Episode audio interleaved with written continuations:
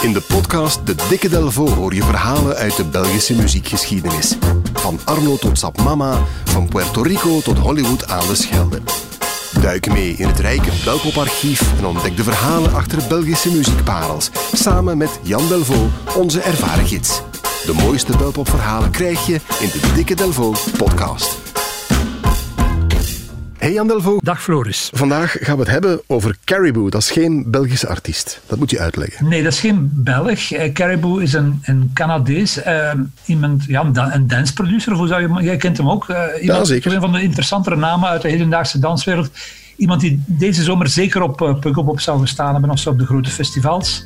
Misschien een kort, een kort stukje uit een nummer dat uh, recent heel vaak gedraaid is. Ja.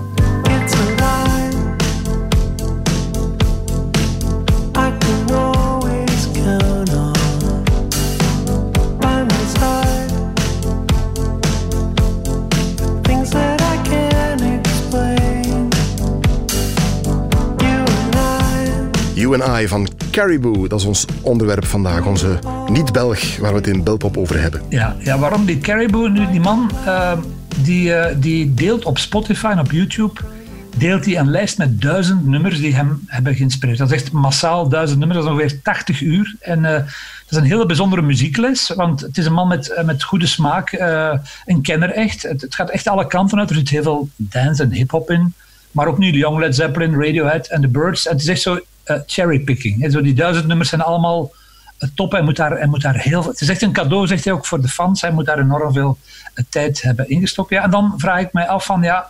Dat is toch ook wel interessant. Dan, als, als, als belpopvolger van staan daar ook Belgen in die lijst met uh, duizend uh, liedjes. Ik kan me inbeelden dat het antwoord ja is, of je had het niet meegebracht, maar zijn het er veel eigenlijk? Wel, ik laat jou raden hoeveel procent het is. Van die duizend? Uh, ja. Moeilijk te zeggen hoor. 1, 2 procent maximum? Uh, Oeh, dat is al, dat is 2 procent, al 20. Nee, het zijn er 18 totaal. Okay. Ik vind dat niet slecht voor een klein land. Hè.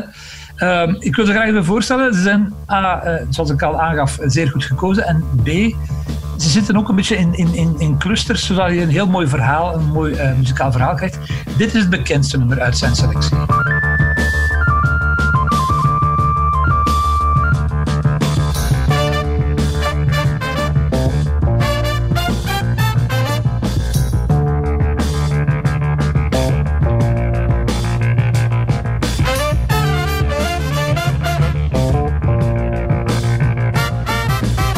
Balek van Placebo. Niet de placebo van Brian Molko, maar de placebo van bij ons. Hè? Ja, van bij ons, van uh, Mark. Een stukje, dit, ja, de tune van de reeks Cowboys is dit, een nummer uit 1973. Alhoewel het toch redelijk hedendaags en vernieuwend klinkt. Wie is Mark Moulin, voor wie hem niet kent? Uh, zijn van mijn grote helden, misschien mijn grootste muzikale held in uh, België. Een zeer inspirerend man, had een goede pen, had een goede stem, was een goede radiomaker. Ook een heel bevlogen uh, muzikant trouwens. Hij heeft ooit nog de tunes gemaakt voor Radio 1. Zo de, de nieuwstunes en zo. Dus die, dat was echt iemand die echt, echt wel alles kon. Hij heeft in het begin van de jaren 70 een paar jazzrock-achtige platen gemaakt. die echt fantastisch zijn. Die maar gesampled blijven worden vandaag. Uh, en die Dan Snade, want dat is de echte naam van Caribou, uh, is echt een grote fan van Moulin. Hij heeft uh, in zijn selectie nog een tweede nummer van Placebo, of Placebo, zoals de, onze Waalse vrienden zeggen, gekozen. Hij heeft ook nog een, een, een tuentje gekozen dat hij Mark Moulin had gemaakt voor een RTBF-radioprogramma. Ja. En ook dit cruciale nummer van Telex.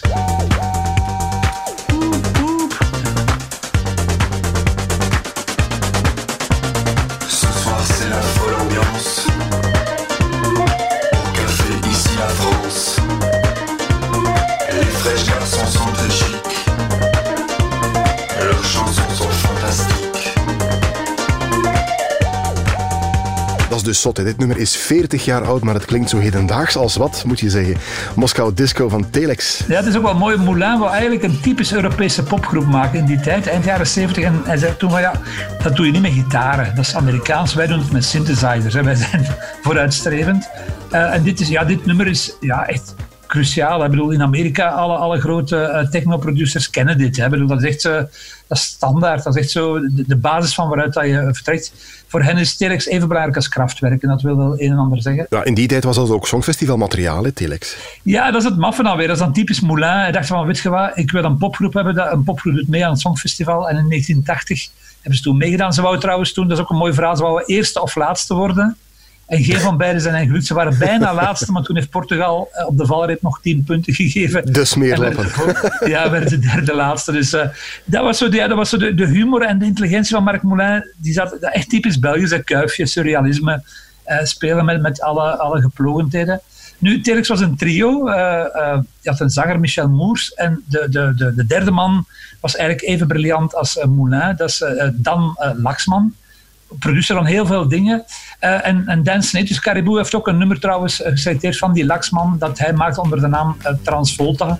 Disco Computer heet dat, dat vind je op, op alle Newbeat compilaties, staat dat nummer. Dus ja, geweldige, geweldige mensen die graag willen ontdekken, geef in Moulin of Telex of Laxman en je bent voor dagen vertrokken. Dus dat is één cluster, vijf nummers die, die Caribou koos uit hetzelfde nest. Uh, dan is er een tweede cluster, uh, die bestaat uit één nummer, maar het is wel een zeer, zeer bizar nummer.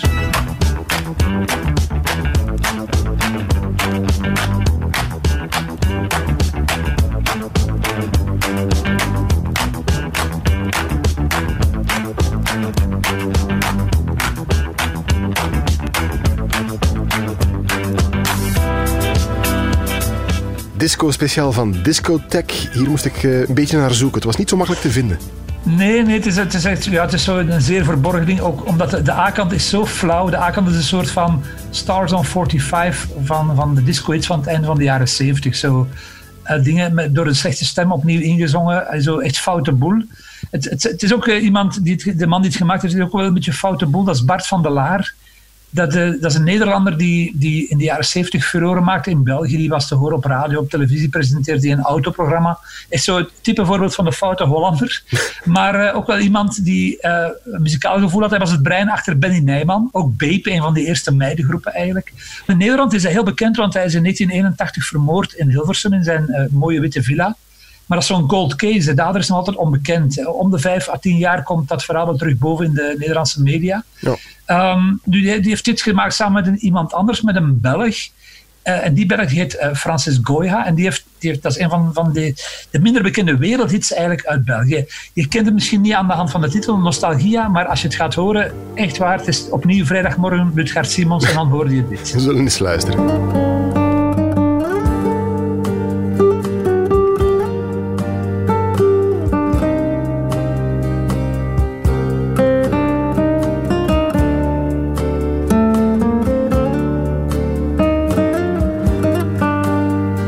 Zit inderdaad op restaurant. Ik weet nog niet wat bestellen bij deze muziek, eerlijk gezegd. Maar goed, nostalgia Paella, van Francis Goya. Paella is altijd goed. Ja, dat hoort bij dit nummer.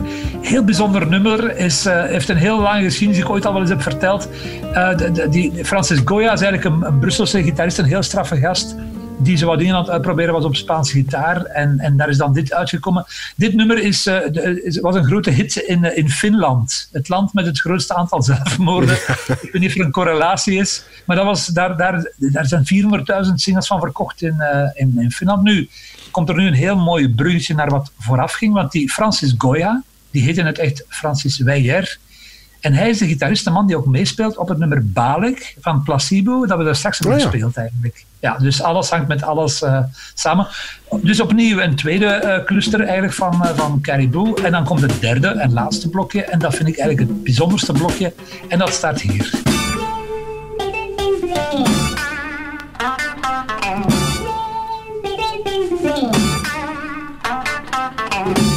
¿Qué le pasa, Lupita?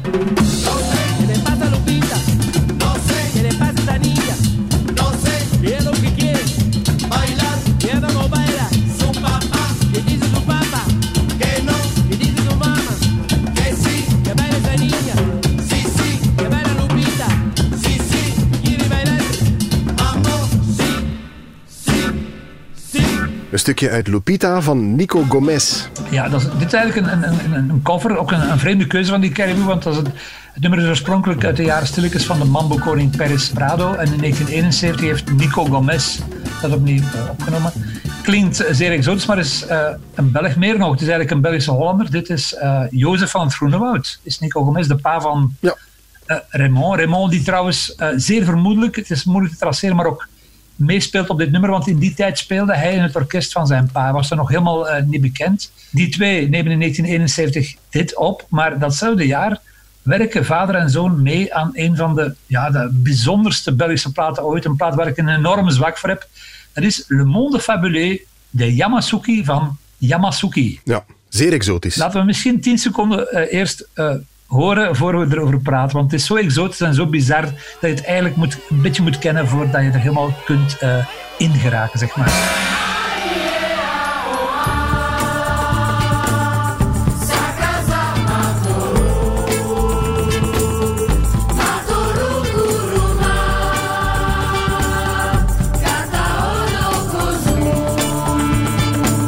Aiyawa van Yamasuki. Ja, Aiyawa, ja.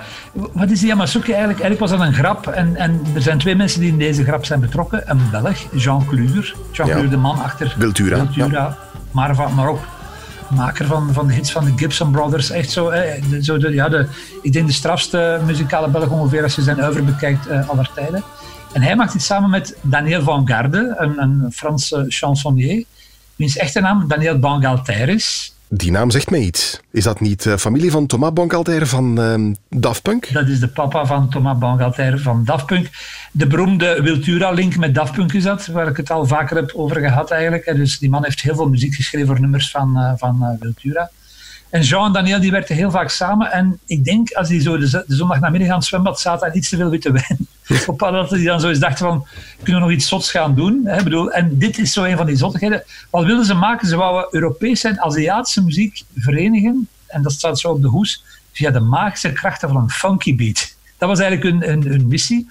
En zo hebben ze een hele plaat bij elkaar gemaakt met allemaal zottigheden eigenlijk. Also, dat, is een zeer bijzondere plaat die trouwens in, in Engeland is, al, al is heruitgegeven en die daar zo wordt verkocht in de juiste winkels als hè, zo hidden, hidden Gem. Zo met een van die dingen die je moet hebben in je plaatcollectie. Terwijl dat eigenlijk een zottigheid is uh, uit, uit België.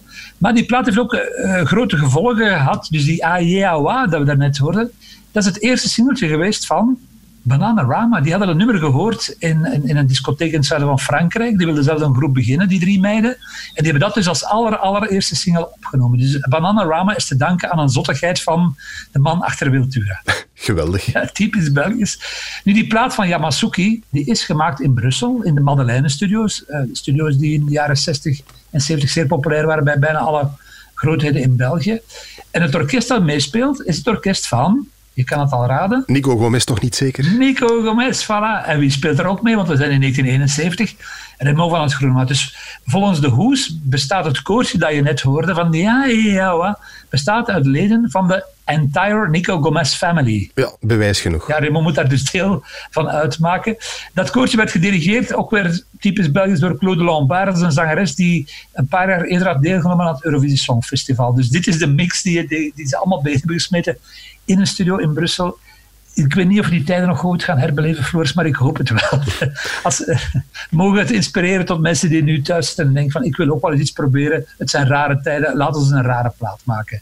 Oké, ik zal een linkje toevoegen naar die lijst van Caribou.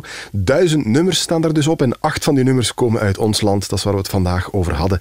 Um, ja. Wat gaan we laten horen? Ja, absoluut. Ja, Masuke-zingers, want dat is denk ik het meest bekende en ook het meest zotte. Het, meest zotte. Het, het bijzondere is ook, dat nummer is een grote hit geweest in België. Dat is, dat is alleen maar van de nummer 1 gehouden door uh, Pour un flirt avec toi van Michel Delpech, die trouwfeestklassieker. Ja, geen schande eigenlijk, hè? Geen schande, nee, maar het was echt wel een, een, een, een zeer grote hit. John Peel, de legendarische uh, Engelse DJ, heeft zelfs nog op een eigen labeltje uitgebracht in Engeland. Dus dit is echt wel top. Dit vindt men in het, in het buitenland dus zeer interessant aan muziekland België. Ja!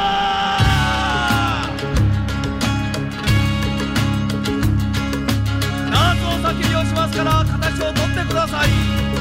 嬉しい。